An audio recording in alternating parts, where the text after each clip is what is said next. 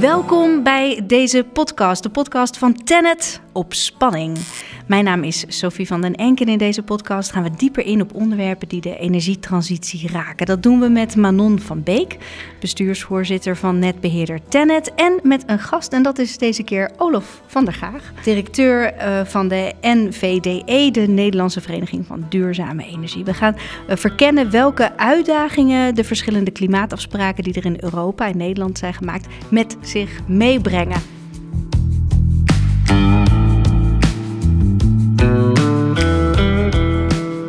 Um, laten we beginnen met, met jou, Manon. Jij bent uh, bestuursvoorzitter bij Tenet. Voor luisteraars die nou niet precies weten wat Tenet ook weer doet. Ik denk dat iedereen er wel van gehoord heeft. Maar uh, ja, uh, wat doet Tenet? Ja. Um, ja, wij zijn de beheerder van het hoogspanningsnet in Nederland. En ook in hele grote delen van, van Duitsland. Dus dat betekent eigenlijk dat wij ja, elektriciteit transporteren door nou ja, elektriciteitssnelwegen en ook zorgen dat uh, vraag en aanbod altijd in balans zijn. Dus eigenlijk dat de lampen altijd aanblijven. Ja, en dat is eigenlijk misschien wel een van de grootste uitdagingen, zeker in die energietransitie. Eh, zie jij dat ook zo? Ja, ik denk als je kijkt, uh, nou, als je kijkt op de plek die we hebben op kantoor, waar ik trouwens uh, niet echt vaak meer kom de laatste tijd, maar daar heb ik altijd een, een balans staan met drie schalen. En zo leg ik het vaak uit. Hè. Dus we hebben aan de ene kant, hoe kunnen we naar een duurzame uh, energiehuishouding. en hoe kunnen we dat gelijktijdig, hoe kunnen we die leveringszekerheid van 99,99% waar we zo aan gewend zijn. En uh, hoe kunnen we dat behouden en hoe kunnen we dat betaalbaar houden. En dat in balans houden, en dat moet je maar eens proberen, want hij schiet altijd wel door naar de een of de andere kant. Uh, ja, dat zie ik eigenlijk als we uh, ja, waarom wij op aarde zijn. Ja, ja, en dat is een hele grote uitdaging die je dan voor een enorme organisatie uh, op je neemt, dus in Nederland en in Duitsland. Ook al kende je Tenet hiervoor niet, uh, iedereen heeft ermee te maken en, en iedereen rekent erop dat als hij het, het lichtknopje eh, aanzet, dat het licht dan ook aangaat. En dat is inderdaad dan die uitdaging. Olaf van der Graag, jij bent voorzitter van de NVDE. Wat doen jullie? Een heel ander soort club natuurlijk. Ja, heel anders. Uh, een wereld van overzichtelijkheid vergeleken bij zo'n groot bedrijf als Tenet. Wij zijn een vereniging met zo'n twaalf mensen in dienst, dus een hele kleine begroting en uh, niet veel meer investeringsbeslissingen dan wel of niet een nieuwe kopieermachine. Uh, maar wij zijn wel een vereniging van 6000 bedrijven die een succes willen maken van die energietransitie. En die ook elke dag daarmee bezig zijn. Ja, hoe doe je, hoe doe je dat? Want dan heb je dus 6000 uh, belangen te behartigen. Dat lijkt me ook niet eenvoudig. Ja, wat ons leven zo makkelijk maakt is dat wij vanuit een idee zijn opgericht. En dat is dat Nederland uiterlijk 2050 een volledig duurzaam energiesysteem moet hebben. Dus alles wat wij doen, elke keuze die wij maken, daar is dat het leidend principe. Draagt dit bij aan het versnellen van de energietransitie? Mm-hmm. En zo niet, dan doen we het niet. En dat geeft dus heel veel richting aan het werk met die, 16, met die 6000 bedrijven. Ja, en uh, hoe, hoe, wat is jouw persoonlijke drijfveer daarin? Je, werd je wakker op een dag en dacht je, nou hier ga ik mijn leven aan wijden? Nee, zo ging het niet. Maar ik zat wel deze zomer met mijn dochter van 15 naar al dat klimaatnieuws te kijken van Limburg dat overstroomt van grote hitte en bosbranden. Het vroeg mijn dochter van 15: Komt het nog wel goed met het klimaat, pap? En uh, daar was ik even stil van. Dat vind ik grote vragen voor meisjes van 15. Ja. En mijn antwoord na even nadenken was: het kan nog goed komen. En je kunt er ook zelf aan bijdragen dat het goed komt. En meteen daarna dacht ik: ik heb eigenlijk de mooiste baan op aarde. Want dat is precies waar ik elke dag mee bezig ben. We gaan uh, er echt induiken in dit gesprek uh, aan, het, aan de hand van een paar stellingen. Ik heb het gevoel dat we jullie al een beetje hebben leren kennen. Um, de eerste: duurzaamheid is belangrijker dan leveringszekerheid. Ja, dan komen meteen die schalen van jou in beeld. Ja, in Duitsland zou ik zeggen jijn. jijn. ja, nee, ja, als Tenet moeten wij uiteindelijk gewoon zorgen hè, dat, dat uh, uh, voor, de, voor de balans tussen, tussen vraag en, en aanbod. En dat is uiteindelijk super belangrijk. En de vraag is, hoe blijven we dat borgen ook in een systeem waarbij we steeds afhankelijker worden dan uh, het weer. Dus ja, die duurzaamheid en leveringszekerheid die moeten heel goed met elkaar optrekken. Ja, um, ja Olof? Ja, ik ben het natuurlijk ook eens uh, met die balans. Alleen ik denk dat uh, die duurzaamheid wel is wat nu de extra aandacht vraagt. Dus die leveringszekerheid die hadden we al. Dat moeten we in stand houden. Maar die duurzaamheid, dat is wat we aan het systeem moeten gaan toevoegen. Mag wat jou betreft gewoon af en toe de energie even uitvallen? Nou, uitvallen is wel een hele grote consequentie met hele grote gevolgen. Maar ik denk dat er plekken zijn waar we veel flexibeler met onze energievragen om kunnen gaan. Dus we zijn nu gewend dat er altijd wel ergens een centrale aangaat als jij het licht aandoet of je computer aandoet ik denk wel dat er prikkels mogelijk zijn om te zorgen dat mensen dat slimmer gaan doen. En uh, twee keer nadenken voordat ze energie gaan gebruiken. Ja. Dus ik denk wel dat die vraagkant wat vaker de aanbodkant kan gaan volgen. In plaats van altijd andersom. En het mag ook af en toe wel een beetje pijn doen. Dat zeg ik ook vaak binnen Tenet. Uh, weet je, if it's not painful, it's not a transformation.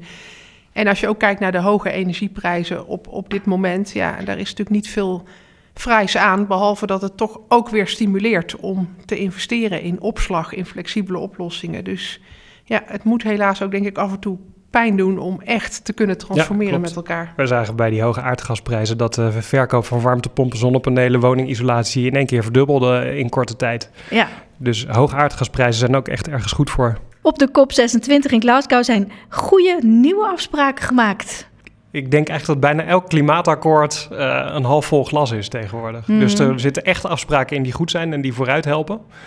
Uh, het is bijvoorbeeld zo dat de opgetelde klimaatambities van alle landen van de wereld nu eindelijk onder de 2 graden beginnen te komen uh, qua temperatuurstijging op aarde.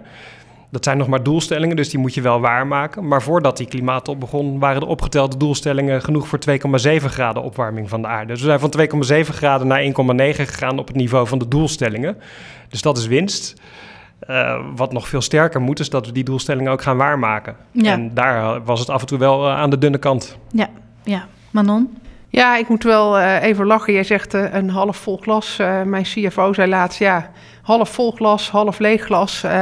we zijn het in ieder geval eens dat het glas verder gevuld moet worden. Dat is het ja, belangrijkste. En ik denk, er is wel vaak een negatief sentiment ook over de COP26 in Glasgow. Ik, ik denk ook dat veel uh, misschien meer hadden gehoopt, inclusief ikzelf. Maar ik denk dat het wel heel belangrijk is dat, weet je, grote of kleine stappen, dat we nu echt allemaal overtuigd zijn van dat er actie nodig is en dat we allemaal stappen vooruit uh, zetten. De noodzaak wordt gezien en die uh, doelstellingen zijn ook wel geformuleerd. Maar hoe je dat dan in gaat vullen, daar mag nog, nog meer handen en voeten aan gegeven worden. En ik heb het idee dat Manon daar iets meer hoop op heeft. en ben jij daar iets nog sceptischer over, Olof? Ik denk ook echt niet dat we de wereld vooruit kunnen klagen en mopperen en zeuren. Dus het heeft ook helemaal geen zin om alsmaar te zeggen wat er niet is. Het is ook echt heel goed om te zien wat er allemaal wel gebeurt. De windparken op zee, die, die verrijzen tegenwoordig zonder subsidie. Er zijn anderhalf miljoen huizen met zonnepanelen op hun daken in Nederland. Uh, mensen zijn massaal hun woning aan het isoleren. Er zijn energiecoöperaties die zelf warmtenetten gaan exploiteren. De elektrische auto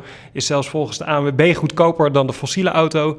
Dus er gebeurt zo onwaarschijnlijk veel goeds dat we daar volgens mij juist de moed aan kunnen ontleden dat die tweede helft ook gaat lukken. We kennen natuurlijk allemaal de beelden van uh, afgelopen jaar van natuurgeweld. Uh, bij Olof was het ook een onderwerp uh, thuis. zijn dochter maakt zich daar ook zorgen over. De aanhoudende bosbranden komen daar nog bij. Forse overstromingen dus inderdaad, zoals, zoals ook in Limburg. Allemaal aanwijzingen dat het klimaat echt aan het veranderen is. En ehm, waar we wat aan moeten doen door die uitstoot van CO2 natuurlijk terug te dringen. Hiervoor zijn wereldwijd en binnen Europa en binnen Nederland afspraken gemaakt. En hoe belangrijk zijn dat soort grote afspraken. We hadden het net al eventjes over de COP26. Olaf, jij was betrokken bij het klimaatakkoord. Dat is alweer twee jaar geleden. Hoe kijk je daar nu naar? Waar staan we? Heeft het gebracht wat je twee jaar geleden zou hebben gehoopt? Ja, voor de Nederlandse klimaatakkoorden geldt eigenlijk hetzelfde als voor die wereldwijde klimaatakkoorden. Dus het is meer dan we ooit gedaan hebben. Eigenlijk is Nederland in mijn beleving in 2013 met het energieakkoord voor het eerst serieus werk gaan maken van de energietransitie. We hadden toen een paar procent duurzame energie en we hebben toen onder druk van Europese afspraken gezegd dat moet in Nederland 14 procent zijn in 2020. Ja. Dus eigenlijk is toen in Nederland de energietransitie voor het eerst serieus in de versnelling gekomen. Bijvoorbeeld dus met die windparken op zee waar ik het net over had. En het klimaatakkoord zie ik als het vervolg daarop. Maar als je dan kijkt naar de kritische rekenmeesters van het Planbureau voor de Leefomgeving, dan zie je dat Nederland ook daar weer twee keer zoveel actie zal moeten ondernemen om de doelstellingen ook waar te maken. Ja, en Nederland als zo ongelooflijk rijk land zou toch heel makkelijk meer moeten kunnen doen, denk ik gewoon als Nederlander. Ja, ik vind dat soms ook moeilijk te begrijpen hoor, dat we in Nederland eigenlijk het laagste land van Europa zijn. Dus als de stijging van de zeespiegel ergens pijn gaat doen, dan is het in Nederland. We hebben de beste zee van de wereld voor de deur liggen om bijvoorbeeld die windparken te bouwen. We hebben een ontzettende goede gassector die ook echt die overschakeling naar duurzaam gas kan maken. We hebben fantastische netbeheerders, we hebben kennisinstituten, uh, we hebben een hele goede overheid. Dus als het ergens kan en als het ergens moet, is het in Nederland. Maar het gaat nog steeds ja, op de helft van het tempo dat nodig is. Als je kijkt, je had het over het klimaatakkoord. Op Europees niveau hebben we natuurlijk de, de, de Green Deal.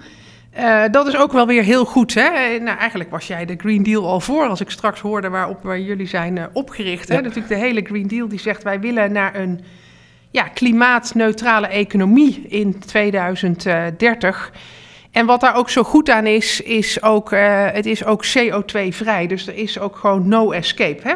Dus je kan niet zeggen, weet je, we moeten zoveel reduceren en dan naar de ander kijken van, dan ga jij het misschien doen. Nee, als je gaat naar nul, ja, dan moet uh, gewoon dan, niemand dan meer. moet iedereen meedoen. Dus dat is echt het hele goede, denk ik, van die, uh, van die Green Deal. Ik denk dat het ook heel erg belangrijk is om nu alle partijen, ook in Europa, in beweging te maken om gewoon keiharde afspraken te maken. Want ik denk alleen dat biedt Weet je, uiteindelijk bieden harde afspraken, duidelijke roadmaps, dat, dat, dat biedt ook gewoon echt houvast hè, voor burgers, voor overheden. Uh, om je echt te committeren, om je echt te kunnen voorbereiden. En ook voor de markt. Mm -hmm. want jij noemde al een paar keer ook, Olaf, weet je, de, de hele agenda op land en op zee. Maar ik denk waar het voor Tenet gewoon voor de komende 10, 15 jaar glashelder is wat we moeten doen, spreek ik heel vaak ook marktpartijen die dat perspectief nog helemaal niet hebben en die mm. zich zorgen maken of ze voldoende omzet hebben weet je, in, de, in de komende jaren. Dus ik denk dat dat soort afspraken en duidelijkheid hartstikke belangrijk zijn om ook het goede perspectief te geven aan marktpartijen die we allemaal, uh, die we allemaal nodig hebben. Ja, en dat is ook fijn om te weten dat dat hoe dan ook nodig is. Dat is dat, dat smalle, steile pad wat jullie gewoon al aan het bewandelen zijn. En dat moet ook. Laten we rondom de grote uitdaging even inzoomen op jullie organisaties, uh, nog wat verder. Kunnen jullie concreet schetsen wat uh, de, de, de, plannen die uit de, uit de verschillende klimaatakkoorden betekenen? Hoe geven jullie dat invulling in jullie organisatie? Nou, voor jou is het, zijn het een heleboel organisaties. Ook ja, klopt. Dus wij zijn niet zelf uh, aan het klussen om warmtepompen te installeren. dus wij proberen vooral te zorgen dat de randvoorwaarden voor al die bedrijven en netbeheerders zo goed mogelijk zijn. Dus wat voor ons heel belangrijk is, is dat we uh, nu extra maatregelen in Nederland afspreken waarmee we onze klimaatdoelstellingen ook gaan halen. En uh, om daar twee dingen uit te lichten. Het eerste wat er nodig is, is dat Nederland uh, veel sneller vergunningen voor projecten organiseert. Daar hebben we samen ook een pleidooi voor gelanceerd, onder andere met Tennet. Het is grosso modo zo dat het bouwen van een windpark of een fabriek of een hoogspanningsstation twee jaar duurt in Nederland. En het is tegelijkertijd grosso modo zo dat dat zes tot acht jaar duurt voor je daar vergunningen voor hebt. Dus het is twee jaar bouwen, acht jaar kletsen en papieren invullen. Holy moly, dat is wel echt heel erg, ja. hè? En dat zou volgens mij 2-2 moeten zijn. Als je het in twee jaar kunt bouwen, moet je het ook in twee jaar kunnen vergunnen. Ja. Dus dat is een heel cruciaal punt waar wij ons nu heel hard voor willen inzetten om dat voor elkaar te krijgen. Ja, cruciaal en eenvoudig. En wat zijn dan de belemmeringen daarin die mensen tegenkomen? Ik heb het ook wel eens gehoord dat dat zo ontzettend lang duurt. En dat is natuurlijk heel frustrerend ook. Juist als je weet van ik ben iets goeds aan het doen, word je zo ja, tegengewerkt waarschijnlijk. Voelt dat zo dan? Ja. ja, omdat er volgens mij geen tijdsnorm is. Dus ik was laatst bij een hoogspanningsstation dat Tennet bouwt uh, in de buurt van Tata Steel. En toen vroeg ik ook aan die pro projectdirecteur, hoe is dat dan voor jou? Jij krijgt een deadline van twee jaar aan je broek en het lijkt me hartstikke ingewikkeld. Want sommige spullen die moet je van over de hele wereld inkopen. Er is schaarste aan grondstoffen, maar er is ook schaarste aan technisch personeel. Maar hij was totaal onderkoeld en vond het de normaalste zaak van de wereld dat hij gewoon in twee jaar moest opleveren. En ja. toen wij op zee gingen varen, die uh, programma projectdirecteur daar had precies hetzelfde. Die zei, ja, als wij op zaterdag midden in de nacht uit moeten varen omdat dan de zee goed is, ja, dan doen we dat. Want we hebben een planning te halen. En dat is volgens mij een cruciale mentaliteit die we ook aan de kant van de vergunningverleners nodig hebben. Ja, komen jullie dat ook vaak tegen? Ja, dat komen wij zeker tegen. Kijk, er ligt natuurlijk gewoon een giga-opgave in Nederland en voor ons ook in, in Duitsland. En waar we laatst ook waren, natuurlijk op, op, op de Noordzee. Uh, wij gaan de komende jaren echt groeien hè, naar een investeringsniveau van 6 miljard euro per jaar, elk jaar, voor de komende 10 jaar. Betekent ook dat we het aantal medewerkers uh, gaan groeien naast de samenwerkingen die we, die we hebben. En dat zijn er heel veel, maar we, willen ook, uh, we zullen ook een bedrijf zijn van, van zeker 10.000 medewerkers in 2025. En hoeveel zijn het er nu? Ja, iets meer dan uh, 6.000. Betekent eigenlijk dat we nu bezig zijn met het verdubbelen van de uitvoeringscapaciteit. Ja, vrij simpel. Als je de netwerken moet verdubbelen, dan moet je uiteindelijk je uitvoeringscapaciteit binnen je bedrijf en met je partners ook uh, verdubbelen. En wij weten ook heel goed dat er tot aan 2030, en ik denk ook wel zeker te weten tot aan 2045, uh, gigantisch veel uh, werk ligt. En wij zijn nu ons eigenlijk aan het echt voorbereiden op, op de, ja, een piek van jarenlang die, die in 2025 begint. En dat weet je, dat is ook wel de charme van onze business. Wij weten voor de komende tien jaar uh, wat, wat er in ieder geval aankomt. En daar zijn we ons op aan het, uh, aan het voorbereiden. Ja, en gelukkig is die uitdaging heel groot. Anders zou het misschien een beetje saai worden. Als je precies weet wat je de komende tien jaar doet natuurlijk. Um, de NVDE, Tenet, jullie hebben, jullie hebben ook wel iets met elkaar. Als jullie nou elkaar um, zouden mogen bevragen over de grootste uitdaging voor de ander. Wat, hoe, wat zien jullie, wat zie jij Manon als grootste uitdaging uh, voor Olof in zijn organisatie? Ja, nou wat ik, wat ik wel gewoon knap vind, Olaf, van jouw rol... en ook wel uh, aan, en, en bijzonder vind aan de NVDE... is dat het een... een het zijn heel veel partijen, duizenden partijen, van klein tot groot. En, en, en ze hebben ongetwijfeld één missie, maar ook allemaal uiteenlopende belangen en wensen. Dus hoe hou je duizenden kikkers in de kruiwagen en gelijktijdig wil je wel uitgesproken zijn. En zo ken ik je ook en blijven. En ik ben wel heel benieuwd, hoe, hoe doe je dat? Ja, het helpt wel heel erg dat wij een uh, duidelijke doelstelling hebben. We hebben ook een beginselverklaring. Dus alle bedrijven die bij ons lid worden, die onderschrijven dat wij er zijn voor het versnellen van de energietransitie en gericht zijn op een volledig duurzaam energiesysteem. Heb je wel eens een kikker uit de kruiwagen gegooid die zich eigenlijk niet goed hield aan het eigen ondertekende grondbeginsel? Uh, nee, dat nog niet. Maar we hebben wel als bedrijven lid willen worden echt kritische gesprekken. En dan zeg ik ook altijd, als ik denk dat dat nodig is, wij menen het wel serieus, hè? Ja. Uh, het gaat ons echt om het versnellen. En als wij moeten kiezen, kiezen we altijd voor de versnelling, ook als het pijn doet. Dus ja. bijvoorbeeld uh, CO2-prijzen. Dat helpt enorm in de energietransitie. Dat moet je wel met, met je kopje erbij doen. Dat moet je niet dom invoeren. Maar in principe zijn wij voor CO2-beprijzing. Dus dat je, uh, dat je een product zo duur maakt als dat het het milieu belast. Ja, precies. Ja. En uh, dat, uh, dat zorgt namelijk dat alle duurzame alternatieven opeens concurrerend worden. Uh, de Action heeft zich nog niet aangesloten.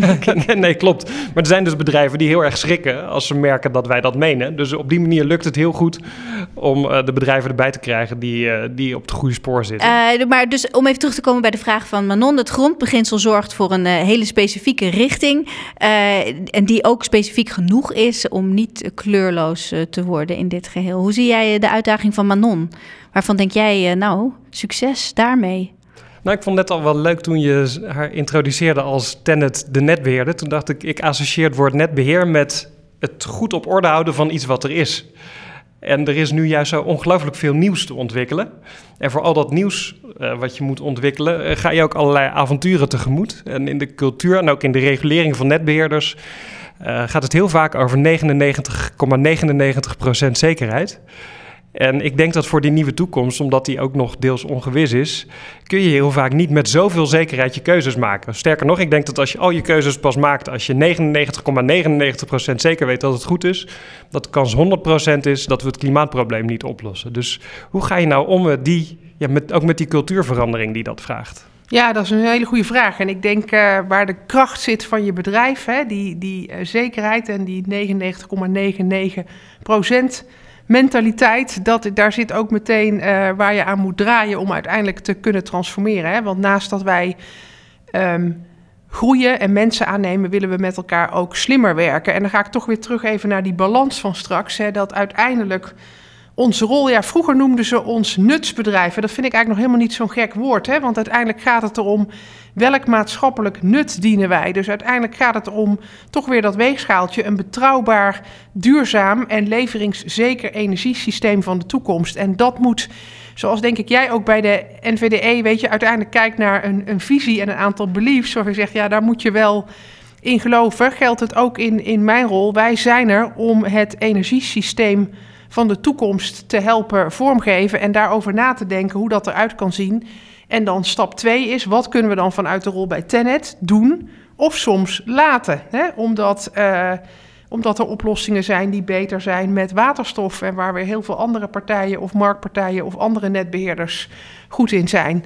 Dat is de rol. En in, in goed Nederlands zeggen we binnen Tenet, hè, we want to keep the lights on, uh, de lampen aanhouden, maar ook we want to lighten the way ahead together. Dus wij willen ook actief vormgeven aan dat energiesysteem uh, van de toekomst en daar ook keuzes maken en daar ook je eigen bedrijfscultuur op aanpassen. Ja, ja. en dat is een continue uitdaging. Ja, zegt ze bescheiden. Uh, en dan is, hoor ik je ook het woord aanpassen gebruiken. Dus er zit toch wel een, een mentaliteitsverandering ook in.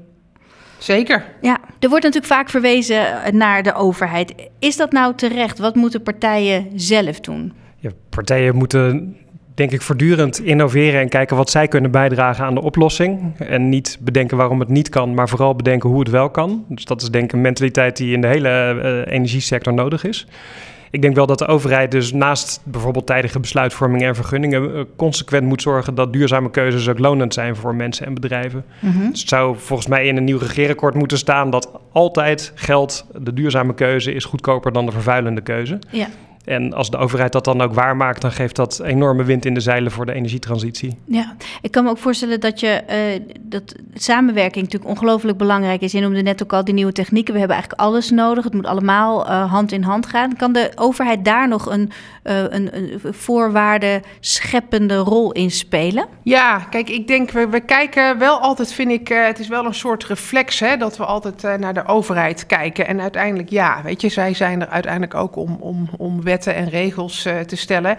Maar ik vind ook dat je vooral ook allereerst bij jezelf uh, te raden moet gaan. Als je het hebt over het energiesysteem van de toekomst, ja, dan hebben we bijvoorbeeld bij Tenet denk ik wel het voorrecht dat je dat energiesysteem uh, goed begrijpt en, en overziet en daarmee ook ja, ook, ook de verplichting om bijvoorbeeld die overheid ook te helpen in het maken van de juiste maatschappelijke en politieke afweging. Kijk, uiteindelijk zijn het maatschappelijke politieke keuzes. Maar vanuit onze rol kunnen we enorm helpen. Door ook weer samen te werken met andere netbeheerders, ook over de grenzen heen en met de industrie. Uh, de overheid helpen om daarin de juiste keuzes uh, te maken. En dan is het vervolgens, als die keuzes zijn gemaakt, aan ons om te helpen dat te realiseren. Ja, en ondertussen dan dus ervoor te zorgen dat wetgeving zo is dat het uh, helpt en niet vertraagt, nog meer vertraagt. Want ja. het tempo is juist zo ontzettend belangrijk. Ja. ja. Uh, heb je ook nog een voorbeeld waarvan je zegt van nou dat is nou echt iets wat Tenet nu, waar Tenet heel goed die voortrekkersrol op die manier neemt en invult? Nou, als je bijvoorbeeld kijkt naar de industrie. Hè, de industrie is goed voor de helft van het energieverbruik in Nederland. Er zijn een paar industrieclusters. Ook daar geldt, we kunnen veel, maar we zijn geen tovenaars. Dus het is heel belangrijk, wat willen we wanneer uh, verduurzamen? Waar zet je in op waterstof? Waar zet je in op elektrificatie? Daar kunnen wij heel goed inzichten bieden. De energietransitie gaat iedereen raken. Raakt eigenlijk iedereen al, misschien zelfs zonder dat mensen het doorhebben. Eh, we vragen natuurlijk behoorlijk veel van iedereen. Voor jullie is dat al dagelijkse praktijk. Ondertussen moet natuurlijk dat licht blijven branden, die leveringszekerheid willen we behouden. Um, jij zei net al, Manon, transitie moet een beetje pijn doen, anders is het geen transitie. Uh, hoe gaan we om met die pijn en misschien ook de maatschappelijke ontevredenheid die daaruit voort gaat komen? Want mensen laten nogal van zich horen. Ja, hoe ga je daarmee om? Nou, allereerst, um, ik denk duidelijk een stip op de horizon zetten waar we naartoe gaan. En, en een duidelijke. Uh, ik denk dat er ook vaak weerstand is, omdat mensen denken: ja, weet je, nu komt hier een kabeltje of een lijntje, maar wat komt er allemaal nog meer? Dus het is denk ik belangrijk om in bepaalde. Uh, nou, um, om, om duidelijk dat perspectief te geven. Van. Soms denk ik wel eens, mensen gaan als het lukt met die energietransitie, dan gaan mensen helemaal nooit last hebben van die dingen die wij nu schetsen als het doemscenario. Dan loopt Nederland niet onder water, want dan gaat het goed. Dan is het allemaal gelukt en dan stijgt uh, de temperatuur niet verder. Uh, dus misschien dat mensen dan wel meer last gaan hebben. Over 100 jaar, als je terugkijkt, hebben mensen meer last gehad van de transitie dan van de klimaatverandering, hopen we omdat we die dan hebben opgelost. Ja, en dan zullen mensen zeggen, nou, was dat nou allemaal nodig? Ja, niet omdat we het gedaan hebben. Ja, ja maar gelijktijdig nou is het zo, wij willen allemaal die energietransitie... en we willen allemaal zo'n klimaatneutrale economie... maar het is toch wat anders als een kabel of een hoogspanningsmast in jouw achtertuin staat... En ik denk uiteindelijk is het daar. Ik ben trots op het land en de regio waar we wonen. Hè, dat er procedures zijn. En dat gaat ook niet in een maand. Waarbij er inspraak is en waarbij je naar alle partijen luistert. En op basis van feiten.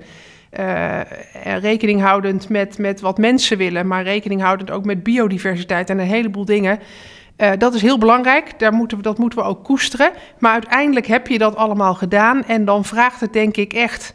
Ja, ik zou willen zeggen leiderschap met hoofdletters van bedrijven zoals de onze, van uh, bedrijven uh, of, of, organisaties, Olaf, zoals die van jou, maar ook van de overheid, om te zeggen: hé, hey, nou hebben we dit allemaal doorlopen en zo gaan we het nu ook doen. Want er is altijd wel iemand die dan weer niet happy is. En daar gaat het toch over het algemeen belang en het publieke belang van de energietransitie voor Nederland als geheel, versus uiteindelijk ehm, alle individuen. Want die zul je nooit allemaal tevreden stellen. Dus goed naar luisteren, procedures doorlopen, maar uiteindelijk ook ja, leiderschap nemen op, op de energietransitie als geheel. Leiderschap nemen, zie jij dat ook als de oplossing, Olof?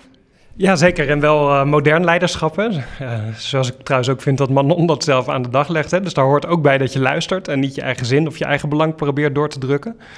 Uh, maar ik denk inderdaad dat zo ongeveer elke duurzame energieoplossing met heel veel hoop en belofte begint. En dan wordt het op een gegeven moment grootschalig. En dan blijkt, ja, ook net als in de liefde, dat die ander ook wel één of twee hele kleine minpuntjes zou kunnen hebben. En dat is niet op te lossen. Dat zal altijd zo zijn. Dus daar moeten we vervolgens wel mee leren leven. Dat het nooit helemaal perfect hoeft te zijn. We begonnen met leveringszekerheid en we sluiten af met de liefde. Dit is een hele onverwachte wending, maar ontzettend mooi mag ik jullie allebei heel erg bedanken voor uh, dit gesprek.